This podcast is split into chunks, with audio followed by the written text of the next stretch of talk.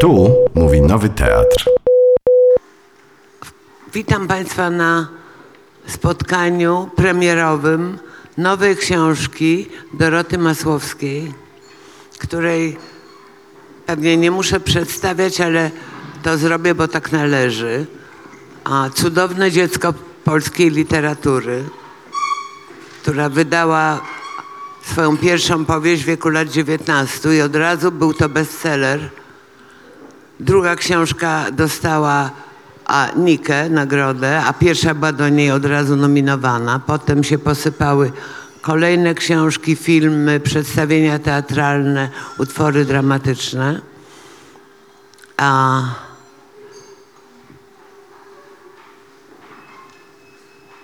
resztę będę mówić siedząc. Witam Cię, Doroto.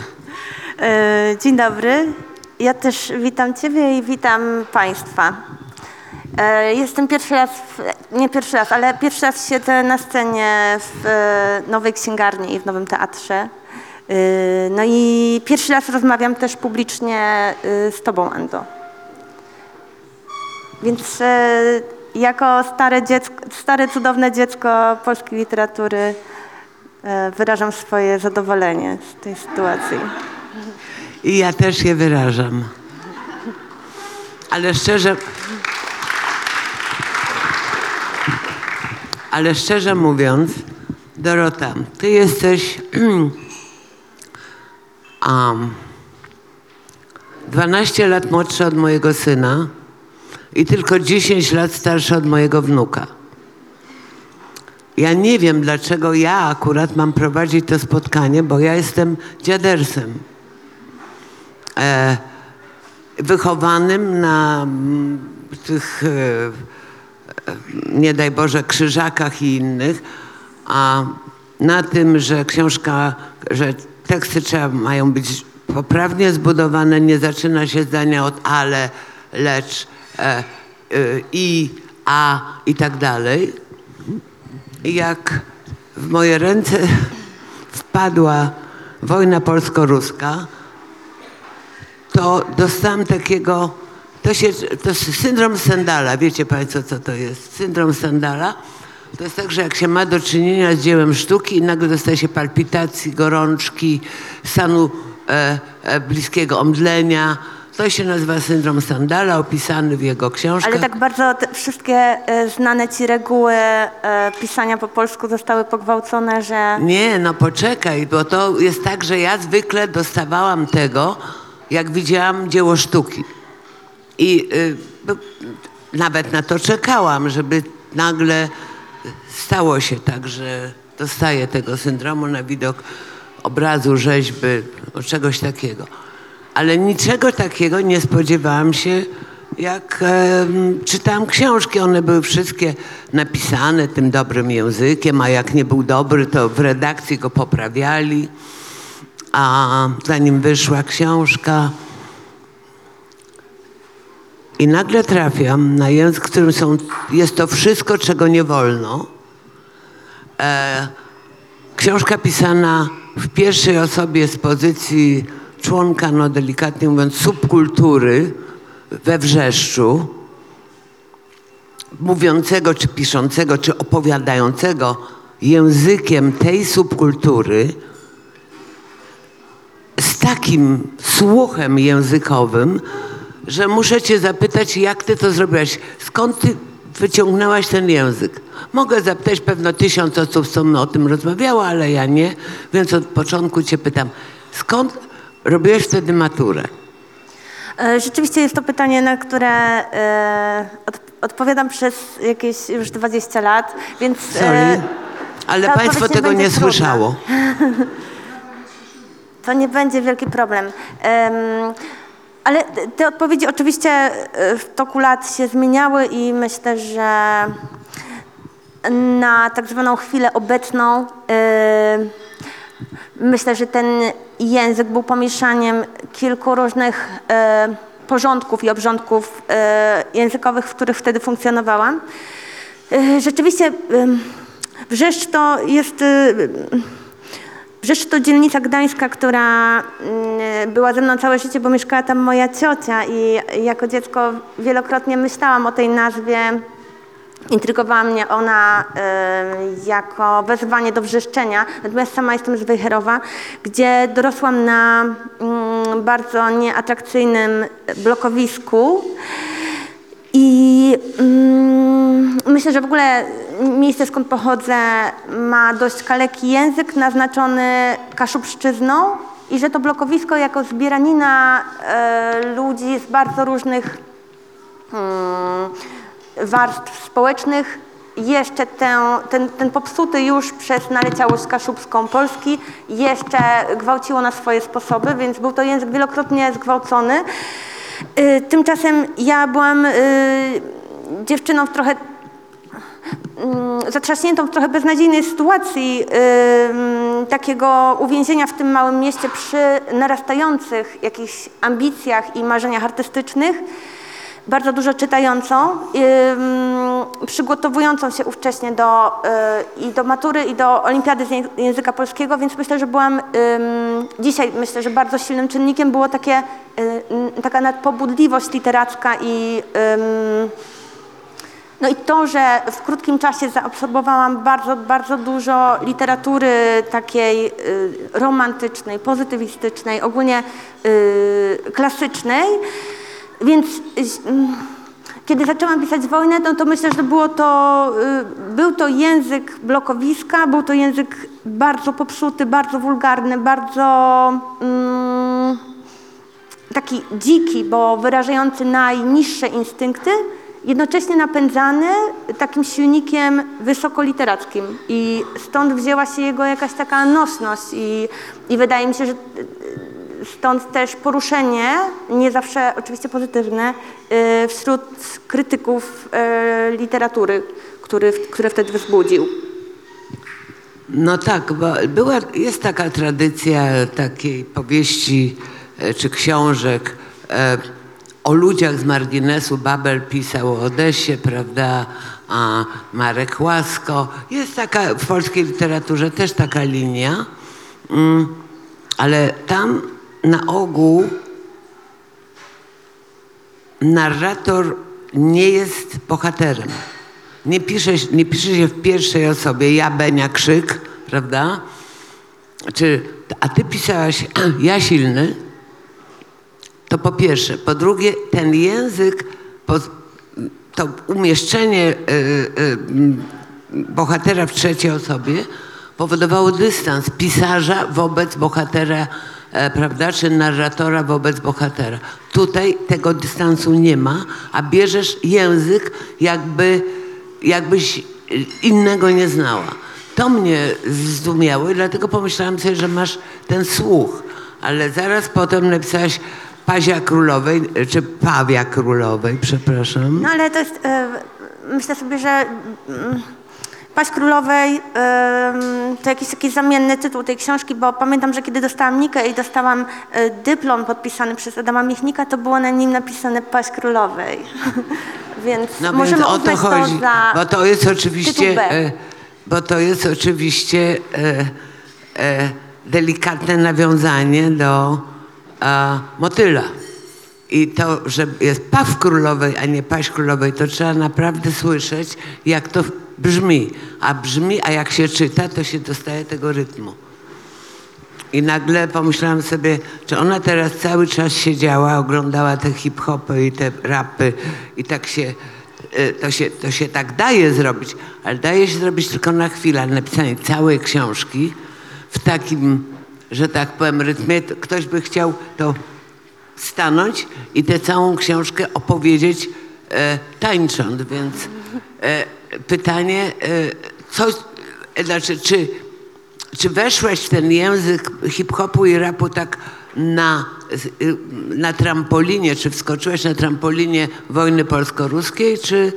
E, No to już była trochę inna trampolina, ale myślę sobie dzisiaj, że em, wszystkie te ekscentryczne formy, które podejmowałam, no bo trochę y, je też wymyślałam, były ściśle związane z moim ówczesnym wiekiem. Em, kiedy, kiedy, kiedy zaczęłam pisać, wiem, że, że teraz e, sytuacja na rynku książki bardzo się zmieniła i, i piszą e, książki osoby 20-letnie, jak i 16-letnie, jak i 12-letnie i jest to pewnego rodzaju tej robią filmy. norma i robią filmy. Natomiast y, kiedy ja zadebiutowałam, to ym, pisarka czy pisarz to były osoby ym, w, kwiecie wieku, a, No, ja, ja zadebiutowałam nad grobem na przykład. No właśnie, dlatego do tego piję. Em, no, a- a ja byłam bardzo, e, bardzo młoda i myślę, że mogłam sobie pozwolić na różne posunięcia bardzo ekscentryczne, a, a pewnie też tych posunięć ekscentrycznych i wyboru ekscentrycznych środków wyrazu ode mnie oczekiwano i myślę sobie, że Wiesław Myśliwski nie mógłby sobie pozwolić na powieść e, napisaną na, e, Znaczy na wyszłaś naprzeciw oczekiwaniom?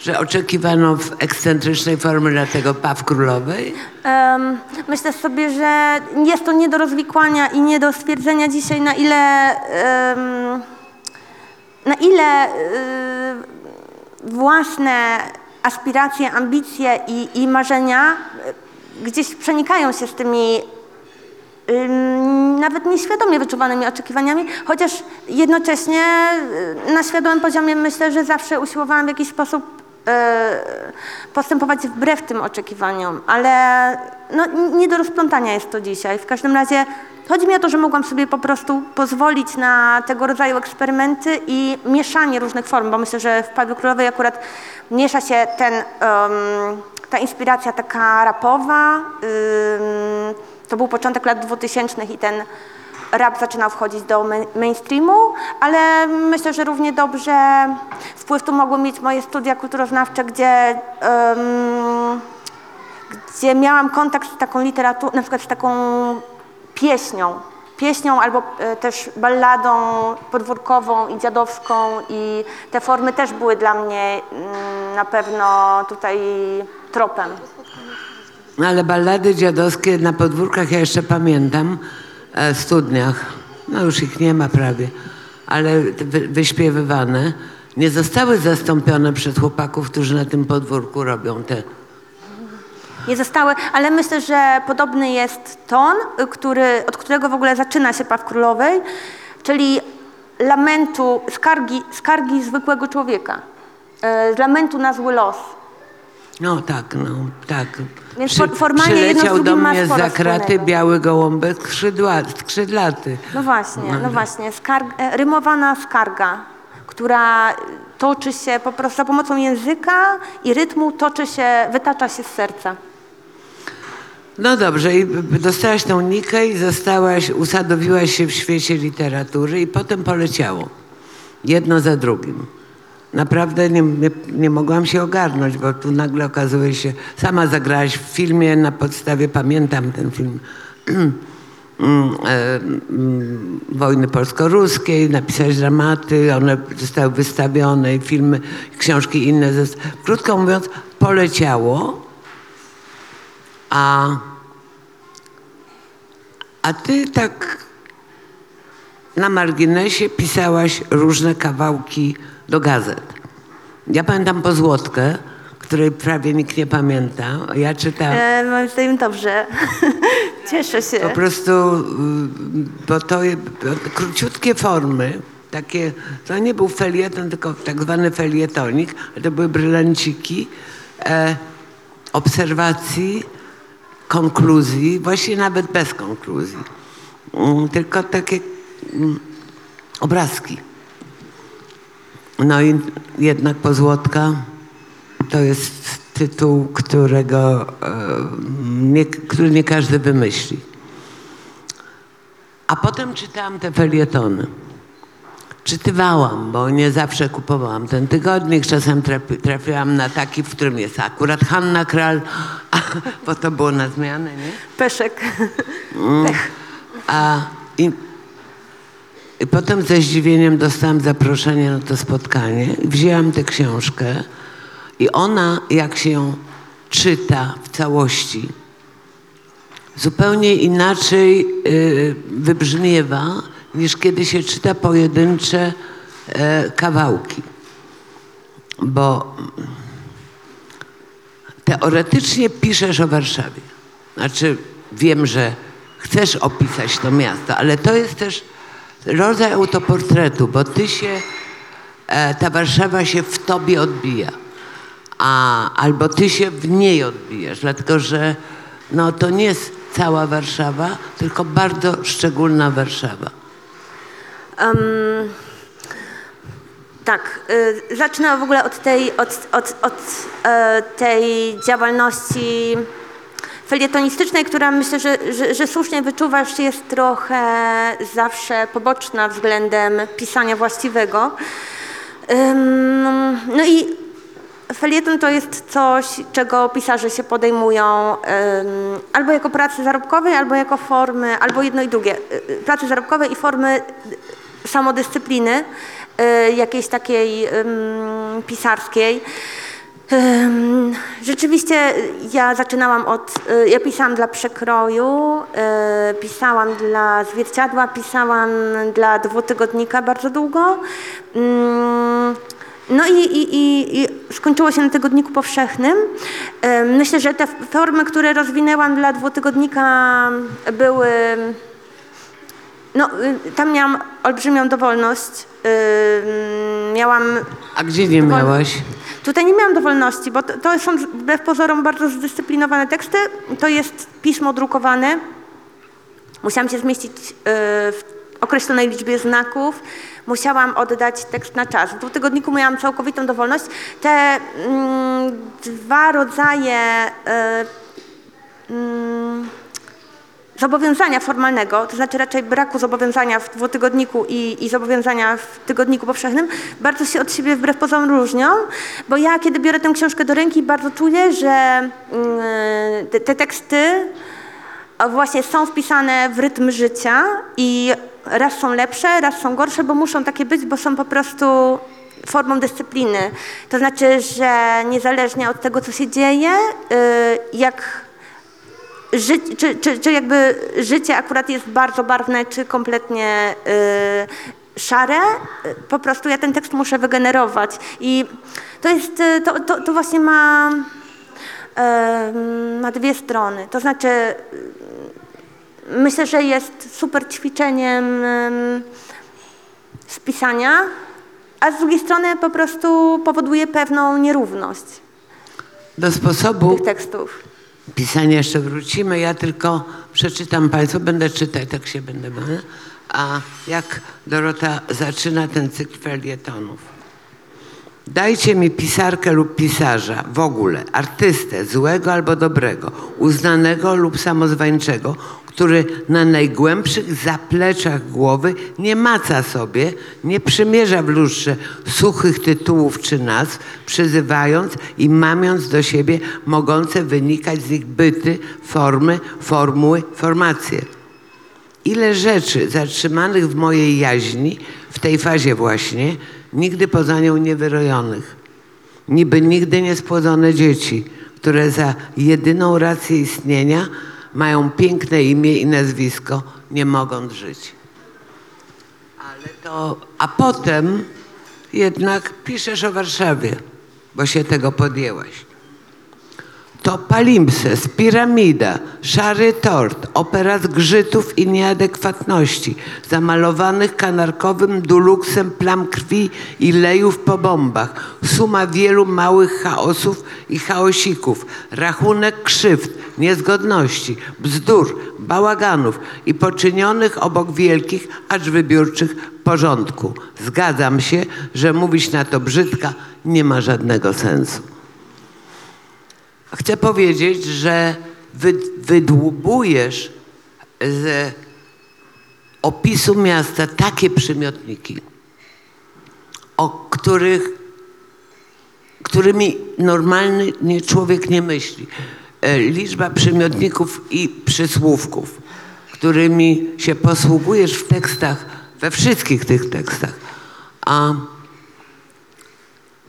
e, wykracza poza no, normę człowieka, który myśli o czymkolwiek, nie tylko o mieście. E, mm, bo może Warszawa ładna, brzydka, głośna i tak dalej. To są te opozycyjne. Natomiast wydłubanie e, z głowy, o której piszesz e, na początku, e, tych wszystkich słów, to jest syntetyczny opis tego miasta już w pierwszym felietonie. Więc e, to nie jest twoje rodzinne miasto. E, No niezbyt. Nie jestem też z Brzeszcza, ale jestem, nie jestem z Warszawy. Ym, tak, myślę, że dziękuję, że pochwaliłaś mój zasób słownictwa. Rzeczywiście może e, po, po, po 30 latach, myślę w sumie pisania, myślę, że mógł się on rzeczywiście rozwinąć e, bardziej niż u osoby niepiszącej. Natomiast Znam takich, u których się nigdy nie rozwinął. U mnie on się y, rzeczywiście rozwinął, y, natomiast mm, rzeczywiście y, w tym pierwszym felietonie wyznaczam sobie taki ym, azymut moich poszukiwań. mm, uniknięcie tych prostych opozycji albo mm, jakieś w ogóle mm, jakaś próba uchwycenia tego, co staje się nieuchwytne, kiedy właśnie, nie będąc nawet z Warszawy, ale długo w niej mieszkając, chodzę po jej ulicach i ym, kompletnie zatracam poczucie, jaka ona jest. I to wydaje mi się i, i, i takim no, wspaniałym w ogóle zadaniem pisarskim próba złapania tego. Bo to jest bardzo trudne do złapania. To jest jaka- jakaś naprawdę gimnastyka i rodzaj, ja w tym widzę rodzaj właśnie medytacji i kontemplacji i, mm, i właśnie za pomocą słów namacywania pewnej aury i, ym, i próba złapania tej niejasności, takiej właśnie nie do, nie ulegającej łatwej recenzji, łatwemu recenzowaniu, takiemu wartościowaniu. No jest jeden z felietonów, którym nagle zaczynasz bronić swojego miasta przed cudzoziemką, która e, lekceważąco się wypowiedziała o Warszawie i wtedy e, Dorota e, jak gdyby nagle poczuła, że ta cudzoziemka jest arogancka i w ogóle co ona ma do powiedzenia o tym wspaniałym mieście, które jednak jest jakie jest, ale jest takie, jakie jest i e, więc e, bronisz tego miasta. No bronię jego wieloznaczności i wielowymiarowości ym, względem, tych, względem tych łatwych ocen, którym, który, który, który, których łatwości wszyscy ulegamy. Bo myślę, że żyjemy w świecie takich właśnie ekspresowych wartościowań, że próbujemy wszystko właśnie uchwycić e, za pomocą gwiazdek, punktów. E, Ośmiu. tak. Oby ośmiu. Mm, No tak, i myślę, że, że, że mój odruch takiego, takiego buntu na to ym, był silny, a jednocześnie przecież sama takim tendencjom ulegam i, i jest to coś, co po prostu wisi w powietrzu i z łatwością to podłapujemy. Ale poruszasz się po subkulturze troszeczkę, bo ym, no łatwo było zgadnąć, że mieszkasz na Ochocie. Nie kryłaś tego Jak to? zresztą. Tak? A, ja też tam mieszkałam, więc e, bliskie są mi te e, klimaty. Mm, Teraz mieszkam na Woli, bliskiej Ochocie, więc daleko nie odeszłam. Ale są takie e, bardzo symboliczne, że tak powiem, teksty, bo opisujesz Okęcie jak Młynarski Niedzielę na Głównym. Ja to, ja to słyszę, jak on śpiewał Niedzielę na Głównym zamiast Dimanche à Orly, a z tego e, ty robisz tą, e, te, to Okęcie i ta jazda z autobusem 175, który znam i te w ogóle jazdy autobusami, a częściej nawet niż tramwajami, ale targowisko na Moczydle i Chinatown, no przecież jeździsz, wiesz, nie, nie, nie każdy, oczywiście nawet niekonwencjonalnie myślący pisarz pojechałby tam, a nie, no już pomijam łazienki oczywiście banalne i Stare Miasto, ale no wgłębiłby się jakby w troszeczkę takie inne klimaty, a nie pojechał od razu do totalnego hardkoru. Jeżeli chodzi o to Okęcie, no to wydaje mi się, że główną pokusą było, no bo Okęcie y, w tej chwili z takim bardzo zwyczajowym tłumem ludzi, no jest, jest przez ten tłum zasłonięte, no ale eg- jego egzotyką w pandemii było to, że było to lotnisko puste, czynne, ale puste. I, I to był dziwny moment i to jakby chciałam sportretować. Mnie się wydaje, że, że, że właśnie padło swoich ust słowo obrazki, no to właśnie ro, rodzaj literackich zdjęć, próba uchwycenia aury. No to wydaje mi się, że aura Okęcia wtedy była naprawdę no bardzo tajemnicza, bardzo dziwna. Ale pojechałaś tam, pomyślałaś, ciekawe jak wygląda to lotnisko w czasie pandemii, czy jednak gdzieś wyjeżdżałaś, czy próbowałaś wyjechać? Nie, pojechałam tam specjalnie w tym celu i e, snułam się po nim po prostu bez sensu. Zresztą ten stan takiego bezsensownego snucia się dosyć mnie przeraża i jest dość dyskomfortowy. Em, myślę, że to jest jakiś taki e, stan prób, takiego nastrojenia się, w ogóle próba złapania właśnie atmosfery, ale ta sytuacja w ogóle takiego czajenia się i błąkania się w ogóle, zaglądania w kąty, nie lubię jej, no ale y, praktykuję. Wiesz co, ale też, y, mm, bo ja w tej całej książce widzę tę taką czujność, ponieważ i, mm, i opowiadasz rzeczy, które ja też przeżywam. Stanie w kolejce przy, mm, przy straganie, gdzie jakaś pani bardzo długo wybiera i gawędzi ze sprzedawcą. Ty się gotujesz, a ona sadystycznie przedłuża te rozmowy. Im Jeszcze próbując się ze mną zaprzyjaźnić, nie, nie, ale zaszczyt. ona to opisała. Ja nie, ja się tylko gotowałam, a ona opisała. I opisała to tak, że każdy, kto to czyta, wie, bo też to przeżył. Więc to są takie małe rzeczy, codzienne rzeczy, które wszyscy przeżywamy i nikt o nich nie pisze, bo y, literatura potrzebuje chyba wzlotu, a, a nie y, tego niskiego y, Tak. przebiegu. Mm, Nie pisze się wcale o codzienności łatwo. Właśnie mm, a propos tego takiego błąkania się i zaglądania w różne miejsca i, i, i knucia i podsłuchiwania, to myślę o tym tekście akurat, który, który przywołałaś, bo było to nastraganie pod moim domem i następnym razem, kiedy przyszłam na stragan, e, to sprzedawcy, sprzedawcy już wiedzieli. I zostałam. Że napisałaś? Tak. Zostałam zadenuncjowana Ale i. na przykład to było halabanacha? Nie. Nie. I chociaż powiedzieli mi, że to rzeczywiście tak jest, że wszystko, co opisałam, jest prawdą, albo że jest nawet gorzej niż ja napisałam, to jednocześnie czułam, że moja obserwacja zmieniła. Obyczaje złośliwych kupujących. Nie, zmieniła obiekt e, obserwowany i zmieniła moją relację z nim. I że już nie mogłam więcej chodzić do tego sklepu. Co, bu- co, I do dzisiaj wstydzę się tam pójść. Po prostu zostałam, obserwacja e, no, zakończyła się klęską. To znaczy zakończyła się, t, ten obiekt po prostu musiał zostać wyeliminowany z mojej rzeczywistości.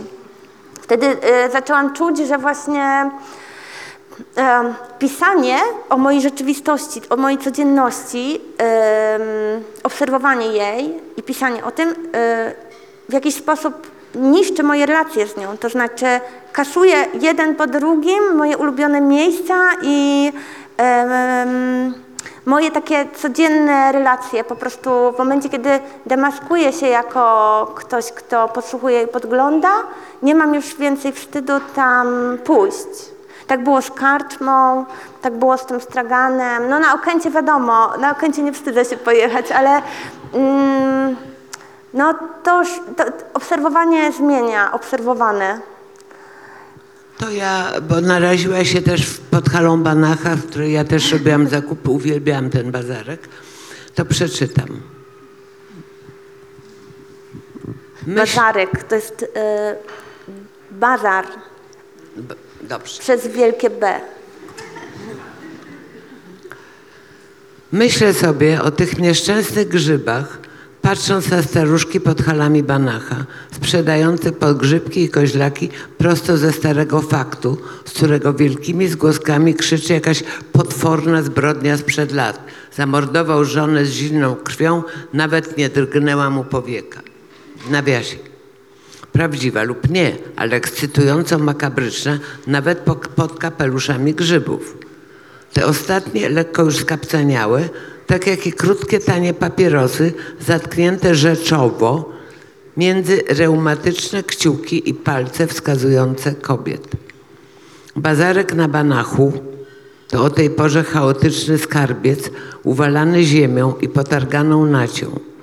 Z brudnych pak ciężarówek wysypuje się i kipi wrześniowe bogactwo skrzące się kolorami klejnoty jabłek i gruszek, upchnięte w skrzynkach ametysty śliwek, przeskalowane rubiny pomidorów. Pyszne, słodkie, pyszne, by słodkie, by pyszne, by słodkie. Informują niewprawnym pismem kartoniki spisane spracowanymi, poczarniałymi od ziemi dłońmi rolników z Podgrójca. Dynia kokaido do pieczenia. Owoce z własnej działki, niepryskane. Kolory, blaski, soki. Beztroska i witalna, kiczowata uroda zbiorów daje poczucie jakiegoś kwitnącego między blokami, nienękanego przez zło paradizo staruszków. Teraz jest o mnie. Tak różne odmiany staruszków. Dziadkowie, dziadziowie i dziadziusie, baby, babinki i babule, babsztyle. Blady, pergaminowy mężczyzna, sunący z trudem o lasce, w czapce z daszkiem, obwieszczającej z niezamierzoną przekorą strąg. Grzyby i kwiatki, mięsa, hałdy słodyczy o przymilnych, infantylnych nazwach, tygryski nadziewane, kokardki, pupeczki, cipeczki, cukrowo-tłuszczowe pieszczoty, czułe pocałunki usteczek z marmolady po 26 zł za kilogram.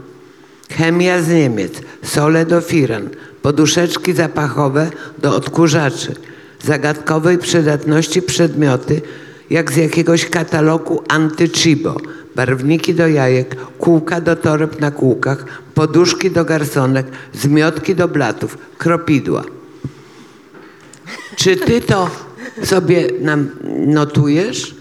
E, czy e, to, co tam widzisz, czy, e, mm, e, mm, czy masz taki dyktafonik i sobie mówisz blaszki do ciasta, kropidła? O, jeszcze tego brakowało. Mały dyktafonik, do którego szepczę. Nie no, absorbuję to po prostu. Trochę absorbuję, trochę fantazjuję. No ale moje fantazje są em, niedalekie od prawdy. naraziła się. Z, opisani przez nią dziadersi odkryli tam siebie, rozpoznali się i się na nią obrazili, ale chodzisz to, pod tą halę jeszcze. Na hale chodzę. Nie, tam, tam nie jestem zdemaskowana. Aha, no, Jeszcze. Więc e, e, to jest, wiesz, poza wszystkim innym, poza tym, że potrafiłaś znaleźć przy ulicy Srebrnej, gdzie te dwie wieże miały stanąć, jakiś zapyziały biabarek, który dokładnie, dokumentnie opi- opisujesz, a ja tam na tej dzielni mieszkam i go nigdy nie spotkałam.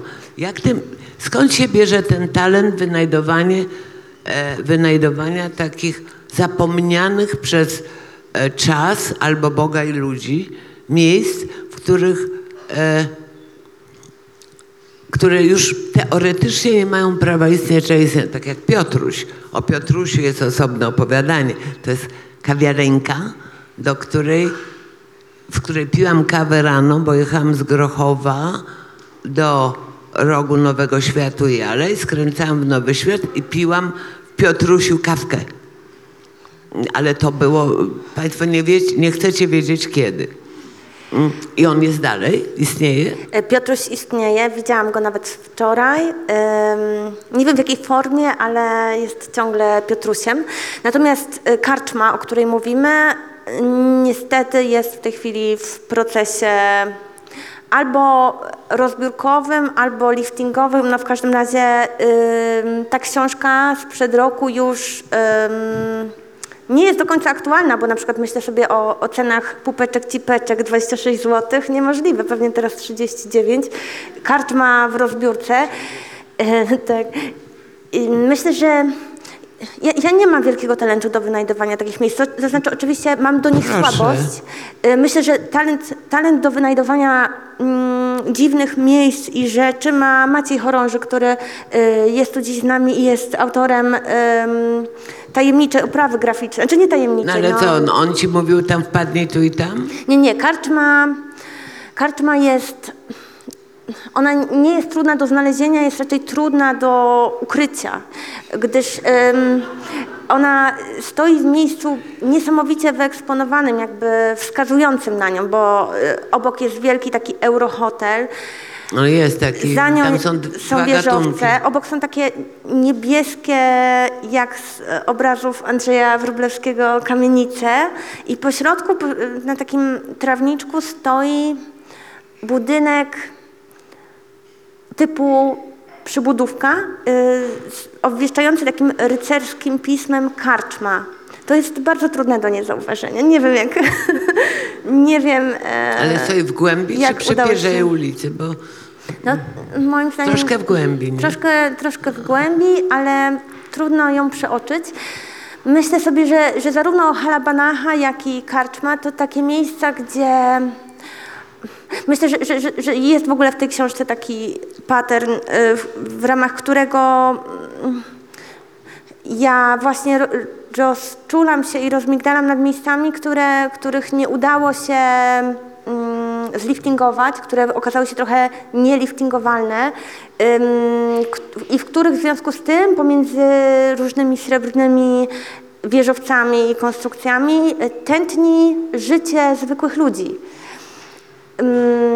którzy tam spędzają czas, którzy tam e, konsumują to co, da, to, to, to, co można skonsumować, którzy tam też wiodą życie towarzyskie, wchodzą ze sobą w interakcje. No i jest w tym coś bardzo naturalnego, coś bardzo prawdziwego y, i coś bardzo tutejszego. W przeciwieństwie do, i to jest w opozycji do no, całej tej takiej nowej Warszawy, nowych mieszkańców. Manhattanu, bo tam zaraz jest Manhattan. Wola dzisiaj jest Tak. Manhattanem. Tak, tak, tak. Prawda? No i, i, i, i, i ten proces też staram się Wieżowce uchwycić. nie powstały, a mogły jeszcze ten Manhattan e, e, podrasować, prawda? Te wieżowce są dość niesamowite, zwłaszcza... Mówię o tych na srebrnej. A, okej. No to te wieżowce są bardzo różowe i, i pastelowe, ale ja, a ja, mówiąc o tych srebrnych, które, na który, które, które też y, wykwitają na woli w tempie po prostu oszałamiającym, myślę, że one najlepiej wyglądają jednak nocą, kiedy nie wystaje spośród nich y, to prawdziwe życie. Ym, Jednak kiedy, w dzień, kiedy widzimy po prostu, że nie, do, nie, dało, nie da się po prostu odkazić zupełnie rzeczywistości i wyrugować tego, co jest w niej właśnie takie chrome, jakieś y, takie, takie nie, nierówne. Nie, nie da się usunąć do końca rzeczywistości, więc ten warszawski, y, to warszawskie city zawsze jest takie zawsze coś tam sterczy, zawsze coś wystaje, takie jest nie, niedokończone i coś w tym jest właśnie, to budzi moją nadzieję. Nie da, się, nie da się do końca w nie uwierzyć, tam zawsze po prostu, zawsze jest coś nie tak, zawsze, Ja wiem, że masz dalej, ale polecam ci targowisko pod halą Mirowską, bo tam to życie naprawdę kwitnie.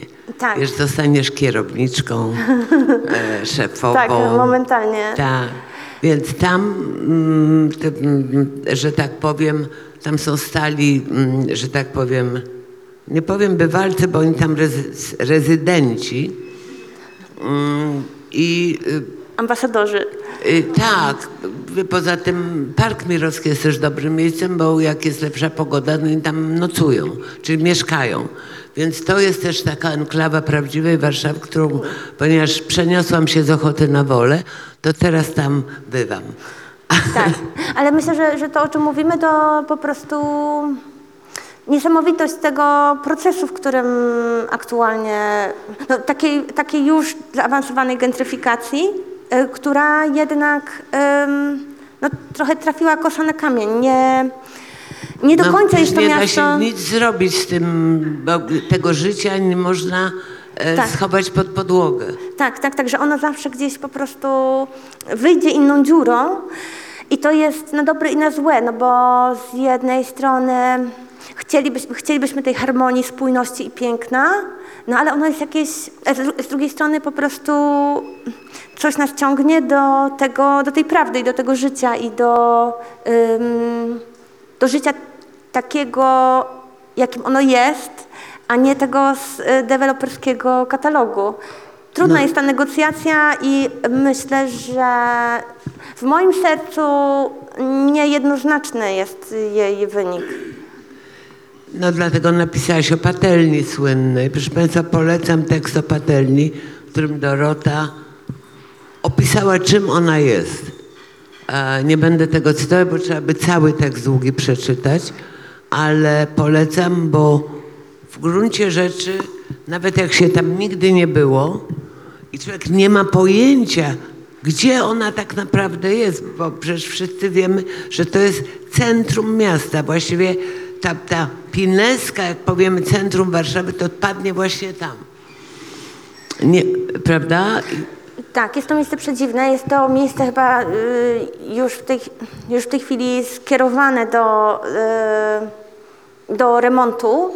Y, natomiast y, ciągle bucha tam to jakieś y, niezwykłe, chaotyczne serco kloaka tego miasta, bym powiedziała.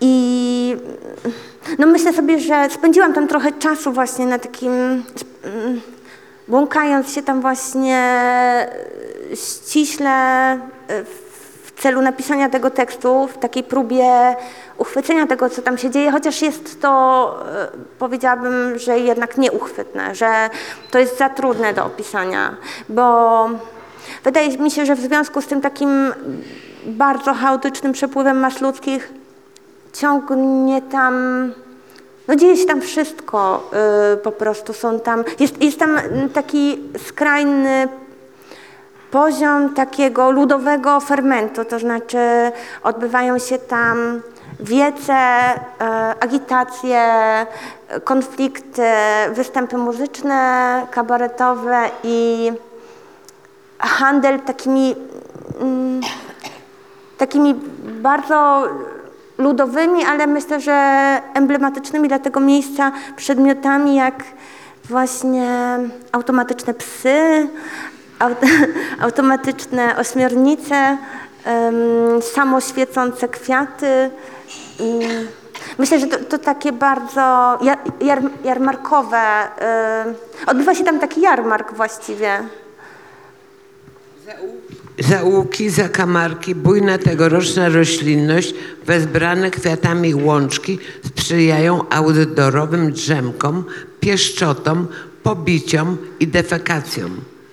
Swobodną atmosferę potęgują dyskobolki i kariatydy, same rozgogolone, nieme i obłędnie silne. To jest tylko kawałeczek. mm, Tak, no myślę, że to właśnie serce kloaka jest właściwym pojęciem dla tego miejsca, dlatego że właśnie takie, takie nie, niezorganizowanie tego miejsca, to, że ono jest właśnie otoczone tym takim zaniedbanym dosyć parkiem, sprawia, że dzieją się tam rzeczy naturalne, y, takie bardzo fizyczne, które jednak przestrzeń miejska bardzo świadomie eksportuje w jakieś... No celowo są projektowane takie, w taki sposób takie miejsca, żeby tam się to nie działo, co się dzieje na patelni. Tak, natomiast na patelni się to dzieje i co jest takie właśnie jakieś dzikie i dość niezwykłe dla tak jednak dużego miasta z aspiracjami. Dlatego myślę, że cieszmy się patelnią, póki możemy. Zaraz, jej, zaraz tej dzikości już nie będzie, póki co naprawdę jest. Zwłaszcza wydaje mi się, że jeszcze mm, właśnie Ukraińcy dołożyli swoje trzy grosze z taką swoją kulturową skłonnością do na przykład występów e, outdoorowych, więc em, patelnia jest jeszcze dodatkowo w tej chwili taka rozśpiewana i rozegrana. No właśnie, proszę Państwa, tylko jak Ty mówisz, że e, zbierasz, no zbierasz i nie zbierasz, bo tutaj jest tak napisane. Moje moleskiny, notesyl, luźne kartki, słowa parujące i parzące się, ich pary, trójkąty i konstelacje, testowe połączenie barw, eksperymenty albo przeciwnie, zestawienia kwadratowe i nudne jak gamy i pasaże zdań wykonywane co rano dla formy, wprawki, zdania przysiady, zdania przysiady, zdania skłony, różne pomniejsze i większe zapiski i szkice, półportrety, bzdury. Trochę jakbym prowadziła w tych zeszytach azyl. Nierentowne schronisko dla chwil ulotnych, jak ulotki. Jest tym oczywiście rodzaj literackiej gospodarności, skrzętności, która podpowiada, by nic nie wyrzucać. Ale nie koniec na temat własnej metodologii, bo dalej, no, dużo dalej, pisze tak, zawsze jednak początek mają w mojej głowie, czyli te teksty, którą systematycznie przenoszę z miejsca na miejsce po Warszawie na przeciętnych rozmiarów korpusie za pomocą dwóch takich sobie nóg. Kształtem i gabarytem przypomina ona średnią kapustę, jednak niech to nikogo nie zmyli. A potem pisze, siadam wreszcie do pisania, tekst w jakiś sposób jest już we mnie gotowy, już prawie samo napisany. Zwierzasz się z procesu, e, w jaki powstaje, pows- no, nie książka, ale powstają te rozrzucone, bo ty to rozrzucasz na różne felietony, ale w sumie jednak mówisz o tym, jak pracujesz. No nie, nie mogłam uniknąć tego tematu yy, ze względu na taki, na to o czym mówiłam wcześniej, czyli taki wprawkowo-techniczny charakter tych tekstów. One nie są stricte artystyczne. Są, ale mm, one też są, one mają ten wymiar właśnie wprawki. Y, Myślę, że zdania przysiady, zdania skłony. Teraz poczułam, że jest w tym coś bardzo trafnego. To znaczy, mm, te moje, to moje chodzenie po Warszawie i te moje próby y, wychwycenia czegoś, co jest dla mnie bardzo trudne do nazwania, no były rodzajem takiej praktyki, czy samodyscypliny, czy właśnie ćwiczenia. No i myślę, że to takie nakierowanie kamery na siebie i na ten proces, który też w ogóle no, myślę, że, że ciekawe w nim jest to, że kiedy um, pisze się z taką regularnością ten, ten, tych samych rozmiarów tekst co dwa tygodnie, bo taki mia, miały one rytm, to że wprawia się umysł y, w rodzaj rytmu, który, który sprawia, że ten tekst w jakiś sposób się sam pisze z tyłu głowy. To wydaje mi się ciekawe zjawisko że potem się go, że, że to jest w tym trochę mm, magii, że potem się go w jakiś sposób po prostu wyciąga. On trochę się samo procesuje. Dlatego wydało mi się to ciekawe, że nie jest to dla mnie normalny tryb pisania. Nie jest to sposób, w jaki jest mi wygodnie pisać. Wolałabym przeżywać takie wybuchy i zalewy, a tutaj mamy do czynienia jednak z praktyką. A przeżywasz wybuchy i zalewy? Tak, tak, ale mm, to jest zupełnie co innego. No dobrze, a jak przeżywasz wybuchy i zalewy, to znaczy siadasz i bezpłynie ci tak i nagle twoja głowa produkuje te obrazy fikcyjne. E, idziesz za bohaterem? No myślę, że, że ja dawno nie pisałam powieści. Yy, jakieś, nie wiem, pewnie z 5-6 lat nie pisałam powieści. Ym, moja ostatnia powieść też była bardzo taka formalnie zdyscyplinowana.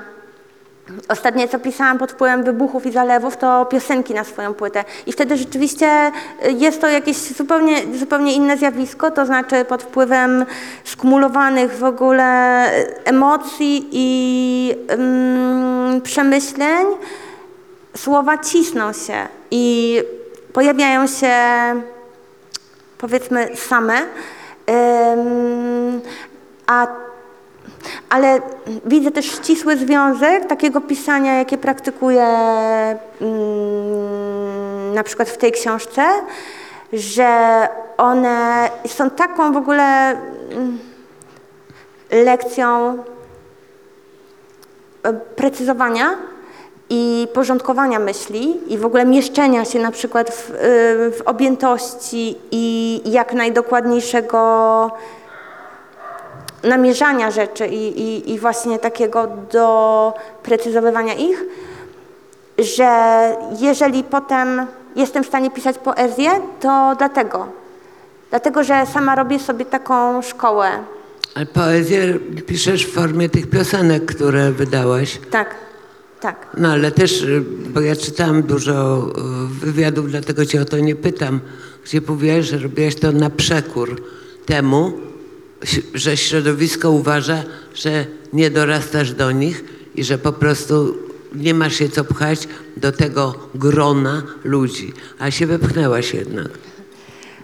No tak, tak. E, mam pewne skłonności do pchania się. Natomiast myślę sobie, że taka mozolna praktyka, jaką uprawiam tutaj, daje mi zdolność kompresji, e, kompresji treści, którą em, potem wykorzystuję właśnie albo która wykorzystuje, wykorzystuje mnie do tworzenia poezji. No i mnie się wydaje ta poezja na tyle dobra, że daje mi właśnie tupet do pchania się tam, gdzie bardzo nawet mnie y, nie chcą. Ja muszę się Państwu zwierzyć. Muszę się Państwu zwierzyć, że w pandemii Dorota mnie zaprosiła do produkowania pandemicznego rapu. Ja zdębiałam i pomyślałam że przecież... Mm, ale przy krojeniu marchewki nagle mi zaczęło stukać i nagle się okazało, że rzeczywiście jest coś takiego, że się idzie za rytmem. No i wydusiłam z siebie ten rap. Tu jest Ania Grzelewska, która to wszystko nakręciła i dzięki temu e, puściłam i potem dostawałam takie odpowiedzi, że jestem nieprzyzwoita i w moim wieku nie wypada. E, tak? Tak, bo tam a, miałam takie, ja to pisałam z pozycji mm, premiera Broszki. To chyba Wisława Szymborska ci to napisała. Mm, Pisałam jako ona, więc e, jako ona Broszka, ale ktoś nie zgadł i tam miałam taki pasus, że mm, a, mm, no nie, nie będę Państwu, dobrze wszystko... No w każdym razie było Ja się nieprzyzwoite. cieszę, że dałaś się namówić. Było nieprzyzwoite i wtedy jakaś czytelniczka właśnie wytknęła mi, że fuj. Także można nawet przy moim kompletnym braku talentu, można się tak nakręcić, ale to nie wystarcza, bo jeżeli ty to podnosisz do rangi poezji, to to jest naprawdę duża sztuka. I y, ja miałam twoją wcześniejszą płytę, którą Galeria Raster rozprowadzała i tam są to miękkie klimaty, a tu idziesz z mocą. Em, no tak, myślę, że to. Że, że, że pewnie poprzednią płytę nagrywałam jeszcze jako cudowne dziecko, a tę nagrywałam już jako stare Osoba cudowne dorosła? dziecko. Tak. Proszę Państwa, mm, oddamy teraz głos Państwu z pytaniami do Doroty. Ja chcę powiedzieć, że nie trzeba tego czytać szybko, tylko smakować każde słowo, bo Dorota da w miarę wrażliwym czytelnikom, takim jak ja, wielką przyjemność. I bogaty zasób słownictwa.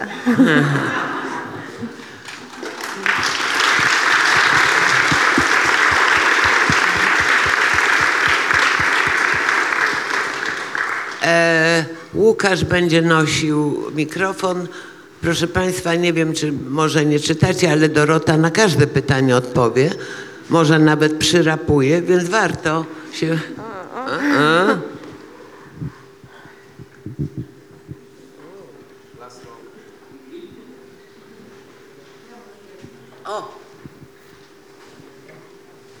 E, Cześć, dzięki za bardzo miłą pogawędkę i możliwość uczestniczenia. E, Dorota, ja mam takie pytanie, bo sama mówisz, że nie jesteś stąd, to powiedz, e, czy ty czujesz, że Warszawa jest twoim miastem? Jeśli tak, to czy jest taki moment, w którym to poczułaś właśnie, że przynależysz do tego miasta, a ono do ciebie? Myślę, że, mm, że ja to ciągle rozsądzam w sercu, ale w tej chwili mm, po prostu czuję, że całe moje dorosłe życie wydarzyło się tutaj i że to, mm, że to właśnie wydarzenia i ludzie, że, że, że takie, taki związek z miastem i bliska relacja z miastem to nie jest nic abstrakcyjnego, tylko są to wydarzenia i ludzie. Yy, I, i że właśnie nie, nie po prostu wszystko się wydarzyło tutaj. Dlatego moja relacja z tym miastem i moja miłość do tego miasta nie, nie jest łatwym takim zakochaniem, tylko wręcz bym powiedziała, że nie czuję tej miłości, tylko że po prostu jestem już jakby, ono już mnie przeniknęło i mm, nie potrafię wyróżnić tego momentu, kiedy to się stało. To po prostu jest no, życie z nim związane. Właśnie, będę, boję się, że będę musiała teraz dużo odpowiadać na to pytanie. I że to właśnie jest początek tej lawiny i tego domina. Ale dziękuję. Dziękuję za pytanie, bo bałam się, że będziemy siedzieć przez pół godziny w niezręcznej ciszy. Ale widzę, kolejne pytania sypią się.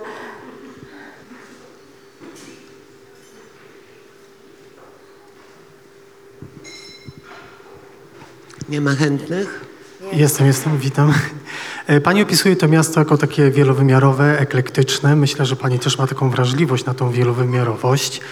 Ale zastanawiam się, czy są miejsca, światy w tym mieście, które są dla Pani na tyle odpychające, że nie chciałaby Pani raczej ich badać albo opisywać, bo to by było dla Pani takie, nie wiem czy za trudne, ale może niemiłe, niesympatyczne. Myślę, że yy, ten mój dobór miejsc jest dość losowy i, i wybiórczy i mm, nie wydaje mi się, żeby przez te dwa lata, kiedy praktykowałam właśnie tą, tą kontemplację miasta, udało mi się uchwycić wszystko. Em, Co zresztą wydaje mi się w Warszawie fajne, że mm, że ciągle się ją odkrywa i ciągle po prostu otwierają się nowe, dziwne światy.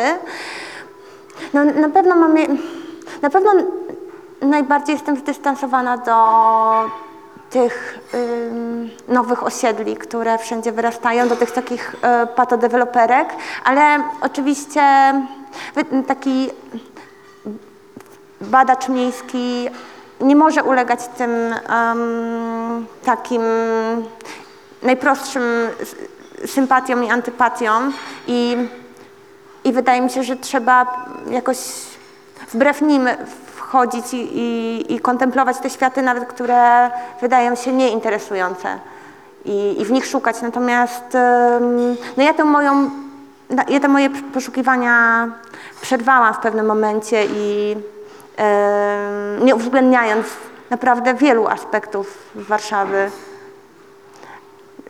No, sama jestem ciekawa, czy to jeszcze znajdzie jakąś e, kontynuację, czy już jest, jest to zamknięty temat. Jestem ciekawa. Tylko mam prośbę, bo pewnie na końcu to słabo panią słychać, bo tak trzeba blisko buzi mieć ten mikrofon. Ale Dobrze. Pamiętam panią pierwszy raz, jak pani była na spotkaniu takim na Żoliborzu i nie mogę sobie przypomnieć, gdzie to było, bo to nie była chyba tęcza na Słozina, tylko takie małe miejsce. Nie wiem, na pewno pani pamięta? Biblioteka tam jest taka fajna. Nie, to chyba... Pan, jeżeli skle- chciałabym, księgarnia. chciałabym przywołać... Em, To było jeszcze coś Nie innego. wiem, czy ma to dla Pani bardzo duże znaczenie, Nie. ale ja w tej chwili nie przypominam sobie, co to mogło być za miejsce. Może moje mieszkanie. Nie, nie, to było takie oficjalne, ale właśnie też nie mogę sobie przypomnieć. Liczyłam na Porozmawiajmy panią. o tym. Dziękuję. Oddaję.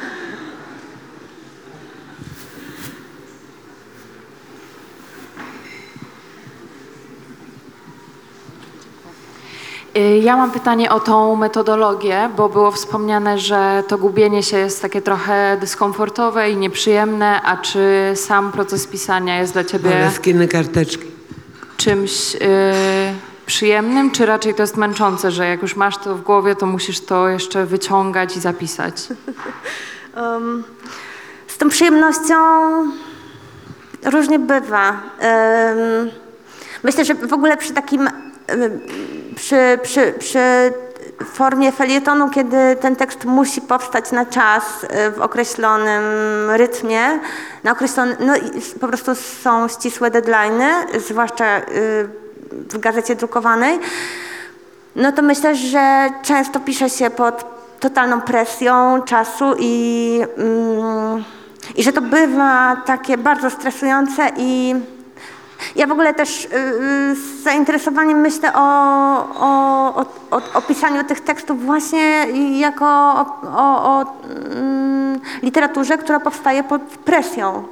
Mm, I to, to ma też y, jakiś taki Myślę, że to jest w jakiś sposób też korzystne, bo mm, w dużej mierze wymusza po prostu zebranie się i sformułowanie myśli i wyciągnięcie ich z głowy, no ale bywa nieprzyjemne, bywa koszmarne. Bardzo rzadko się zdarza, że to, ym, że to po prostu płynie. To jest coś, co trzeba naprawdę, to wyciąganie bywa mozolne.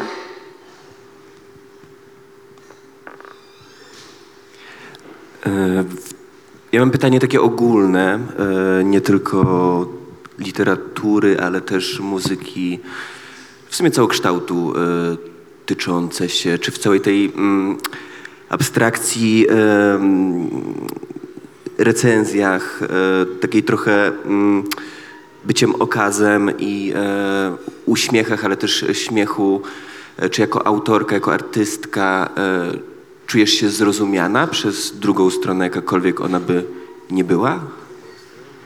Em, No.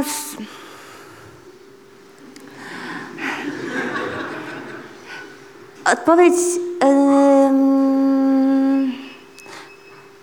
na to pytanie jest nieoczywista, bo mm, myślę, że jeżeli spojrzeć na to w takiej szerokiej perspektywie, czyli spojrzeć na jakąś y, taką szeroko pojętą grupę ludzi, którzy na przykład odbiorców książek i muzyki w Polsce, y, to mm, myślę, że nie jestem zrozumiana.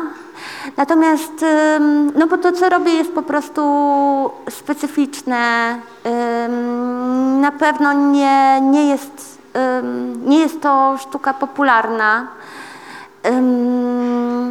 Natomiast myślę, że mam grono odbiorców, którzy się cieszą z tego, co robię i albo to odruchowo rozumieją, albo usiłują to zrozumieć, albo się tym cieszą, nie rozumiejąc tego. I ja jestem tym totalnie usatysfakcjonowana. To znaczy, to jest, ciekawy temat, bo stosunkowo często zdarza mi się ta rozmowa, że ludzie podchodzą do mnie albo właśnie zgłaszają się na spotkaniach i, i, i mają jakąś empatię wobec tego, że jestem niezrozumiana, że, em, że współczują mi tego, że po prostu ja pracuję i pracuję i piszę i piszę i e, robię płyty i to się nie spotyka z aprobatą ogólną. Ale ja myślę, że ja jestem z tym całkowicie pogodzona. Ja zdążyłam się w ciągu 20 lat przyzwyczaić, że grono moich odbiorców jest po prostu małe, ale mnie to wystarcza, bo po prostu ja czerpię energię życiową z, ze swojej osobności i, i to jest koszt, który ponoszę. Więc myślę sobie też y, z takim, że, że tutaj następuje taki w ogóle ciekawy proces, że tak samo jak ja jestem na to narażony, tak samo moi odbiorcy są w konflikcie z innymi odbiorcami, którzy mnie nie rozumieją. I bardzo często toczą jakieś walki w swoim życiu na temat mojej sztuki. I też, są, też w ogóle, że ja zarażam swoich odbiorców tym niezrozumieniem. Em, no i to wydaje mi się, mnie się wydaje, że to jest e, korzystne takie ćwiczenie e, z pewnej niezależności, że trzeba jednak obronić tą swoją jakąś e, sympatię czy mm, ulubienie w tym, e, w, w, w, e, nie wiem, jakiejś dziwnej sztuki i no ale wszyscy są na to narażeni razem ze mną. To ja tak, przepraszam, stanęłam jak na apelu. E, tak w, w duchu e, Instytutu Kultury Polskiej, bo nie ukrywam, że jesteś rodzajem duchowej patronki moich studiów, e, zapytam, czy dalej kategoria mięsności istnienia, e, takiej tej brachczajnowskiej jest dla ciebie ważna, tak może jak przy tych dwu, dwutygodnikowych felietonach? um, mięsności istnienia. E, a wytłumaczysz? Znaczy, O! No chodzi o ten e, esej ze szczelin istnienia, kiedy ona z mięsem pracuje i wydaje się wtedy wszystko takie, że w te szczeliny e, istnienia się przenika, że tam jest ta prawda, która jeżeli by wyszła na zewnątrz e, za szybko, to nie powiedziałaby tyle o życiu. I ona to tak rozumie, tak ja przynajmniej rozumiem, że ona rozumie mięsność tak, ja, ja w ogóle ja czytałam tę książkę, ona mi się bardzo podobała, bo y, właśnie mm, wydaje mi się, że ym, to jest podobna praktyka co moja, to znaczy ym, jest w niej uwzględnione nie, uwzględnione nie tylko, nie, nie tylko morzu codziennych y, czynności czy codziennych takich y, Rytuałów? rytuałów, ale też no, tego, co absorbujemy, informacji po prostu, które zbieramy, filmów, które oglądamy, wszystkiego, co do nas dociera y, przez oczy i uszy. Nie tylko, nie tylko sam ten fakt, ale też czas po prostu, ym, jak to na nas wpływa w czasie i jak wybrzmiewa y, w tym życie. No to tak, to jest mi bardzo bliskie. Tylko wydaje mi się, że nie, że ona opisuje jednak mocno y, ten taki praktyczny aspekt życia, a ja bardziej interesuję się przepływem informacji i ich wpływem na, na nas. No ale to tak na szybko skleciłam, a muszę się jeszcze nad tym zastanowić, bo e, mięsność istnienia jednak wymaga... Myślałam, że to jest e, jakiś cytat ze mnie, kiedy byłam nastolatką. Pisałam takie rzeczy na masę. Dziękuję. E, p- Potrzebny jest mikrofon. Dobry wieczór. E, Chciałam się zapytać, czy, ponieważ e, nie przebywam w Warszawie od 30 lat, czy obserwują obie panie coś takiego jak język warszawski, gwara, jakieś zlepki, związki e, słowne, które są swoiste tylko dla naszego miasta, czy dla mojego miasta, ponieważ ja czegoś takiego nie widzę, jak przyjeżdżam. Mam bardzo ograniczony kontakt z ludźmi, powiedzmy. Czy jest coś takiego? Czy obserwują panie? Dziękuję bardzo. Obserwujesz? No, mnie Warszawa em, bardzo em, prze, przeraziła, jak przyjechałam tu na studia, bo ja się wychowałam w języku galicyjskim przez mojego ojca. I przyjechałam do Warszawy na studia i przez pierwsze dwa lata uczyłam się języka. Bo mnie się mówiło mm, e, serowiec, e, jabłecznik, a, a tu się mówiło sernik i szarlotka. Poza tym inaczej się wymawiało, bo mm, poza tym się nie chodziło na pole i nie chodzi w Warszawie, ale się w ogóle inaczej akcentuje. Więc, e, mm, a poza tym ja przyjechałam z Legnicy, która jest po niemiecka i tam była zupełnie inna architektura, inne bruki, e, inne ulice i, i trzeba było, musiałam się tej Warszawy nauczyć, to było bardzo dawno temu, ale mm, już teraz to jest bardzo moje miasto i nie potrafię powiedzieć, e, czym ono się tak bardzo różni od innych miast w Polsce, ale wtedy bardzo dobrze to wiedziałam. Mnie się wydaje, że em, ponieważ e, w Warszawie w tej chwili jest tak wielu przyjezdnych, to e, sposób, w jaki tutaj ludzie mówią, jest właśnie mieszaniną, e, w której raczej wyróżnia, można bardziej usłyszeć po prostu, czego tutaj nie ma. Właśnie, że tutaj się nie mówi po, z, jakby z akcentem krakowskim albo wielkopolskim. Ja właściwie rozróżniam... Ani białostockim. Tak. Ja właściwie z takich y, y, ściśle warszawskich brzmień, no to słyszę y, taką czerniakowszczyznę. Troszeczkę jeszcze. Rzadko, ale zdarza się to, że ktoś mówi z takim akcentem, ale poza tym wydaje mi się, że się to bardzo wymieszało, że w sumie rzecz, która jest dla mnie najbardziej uderzająca, to ludzie mówiący z akcentem ym, amerykańskim i, i wtrącającym różne e, takie klisze językowe i niezgrabności związane z nadmiernym oglądaniem seriali albo przebywaniem za granicą, ale to jest, wydaje mi się, że to jest najsilniejszy trend w tej chwili. Dobry wieczór, to może moje teraz pytanie. Wprawdzie nie powinno się podobno życzyć żadnemu pisarzowi ani poecie, żeby jego książka czy jego poezja trafiła do kanonu lektur szkolnych, ale małe ćwiczenie z wyobraźni. Załóżmy, że kiedyś postanowiono panią kanonizować i wprowadzić coś z pani twórczości na listę lektur. Zakładam, że dla liceum, dla starszych klas.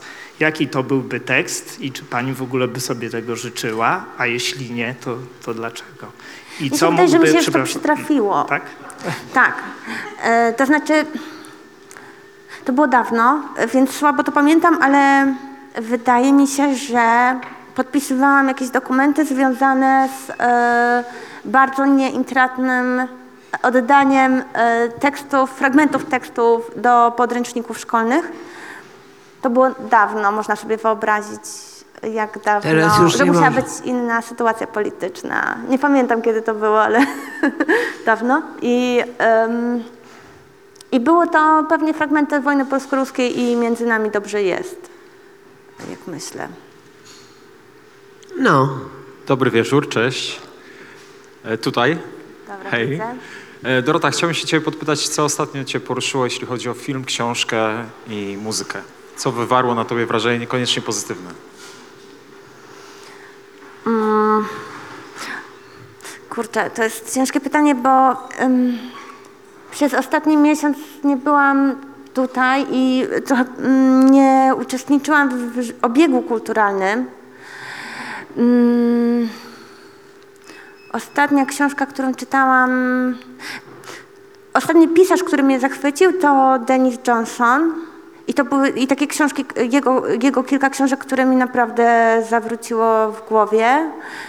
Mm, A myślę, że jakiś rodzaj emocji przeżywałam też przy zakończeniu sukcesji. Ale to nie jest chyba nic oryginalnego. Więc e, zdaję sobie sprawę, że to jest bardzo nieciekawa wypowiedź, ale. I Żeby- tak bywa. E, pi- Pisarki mogą mieć nieciekawe życie kulturalne, okazuje się. proszę Państwa, ostatnie pytanie. Mm. Nie ma? Nikt nie chce być jest, ostatni. Jest, jest, na szczęście jest. Przepraszam, że znowu musisz się wykręcać. Mam nadzieję, że kręgosłup cię nie będzie boleć. Ja, ja mam pytanie z perspektywy takiej osoby właśnie może pokolenia trochę niżej. To znaczy na początku powiedziałaś, y, nawiązała się rozmowa na temat tego, jak twój język w Pawie Królo- Królowej trwa. I w wojnie, polsko-ruskiej był gwałcony, tam podwójnie zgwałcony, tak? I padły też jakieś określenia na temat tego, że on był właśnie zły i jakiś taki no nie polski, tak, że to nie był nasz polski język. E, a ja już wychowałam się w jakimś takim przeświadczeniu, że, że, że no właśnie ta polska, standardowa, jakaś docelowa, sugerowana, sugerowany opis tej, tej języka polskiego, że ta Rada Języka Polskiego jest jednak sugerująca i że te polszczyzny funkcjonują mm, w jakiejś takiej formie, w jakiej funkcjonują lokalnie, czyli że jakby nie użyłabym na przykład słowa właśnie, że, że ten język był jakiś zły. I czy jakby ciekawi mnie jak na to spoglądasz, zwłaszcza jakby teraz, czy faktycznie czujesz, że na przykład pisząc rzeczy celowo właśnie psujesz ten język, czy, czy faktycznie, że jakby przełamujesz jakieś formy po to, żeby bawić się tym językiem, czy żeby go celowo niszczyć, czy bardziej jest to mm, jest to po prostu mm, jakby pracujesz z tym jako to jest forma twojej ekspresji, to jest po prostu twój język, którym mówisz. Em, myślę, że spróbuję tak wcelować mniej więcej w twoje rozległe pytanie.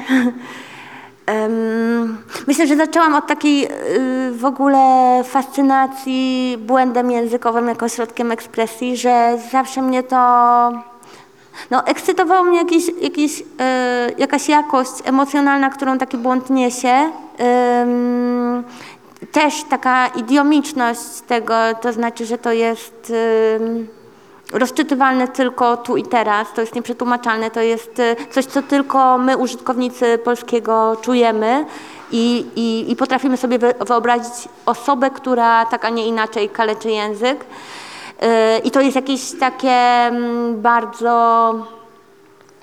To, to, jest, to jest olbrzymi konkret. To jest, y, osoby, które są wrażliwe na to od razu po prostu wiedzą, jak to brzmi i czują tę osobę, która to mm, mówi. Ja jestem właśnie, ponieważ y, spędziłam teraz miesiąc w Stanach, gdzie miałam bardzo dużo rozmów z odbiorcami na temat no, takiej e, totalnej niezrozumiałości tego, co ja robię, takiej mm, nieprzekładalności różnych tych niuansów językowych i, i pewnej no, pokraczności, w którą popada moja literatura w tłumaczeniu.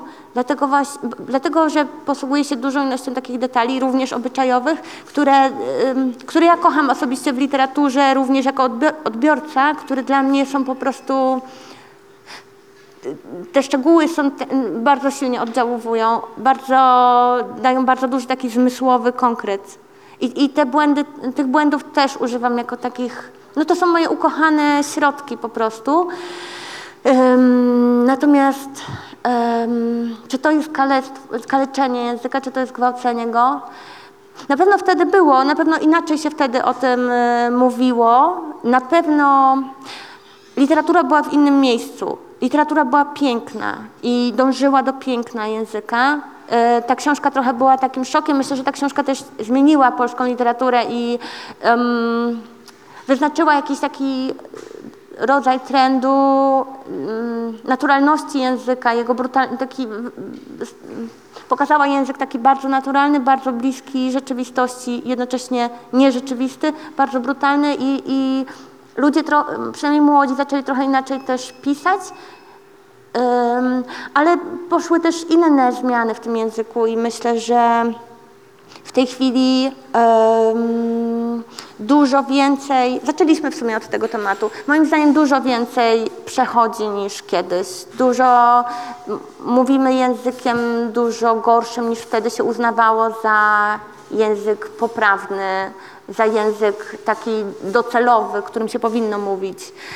Że on w tej chwili jest popsuty naturalnie mm, z różnych względów. Myślę, że na przykład y, to, że y, rozsypała się telewizja, y, przestała mm, ten język wyznaczać, że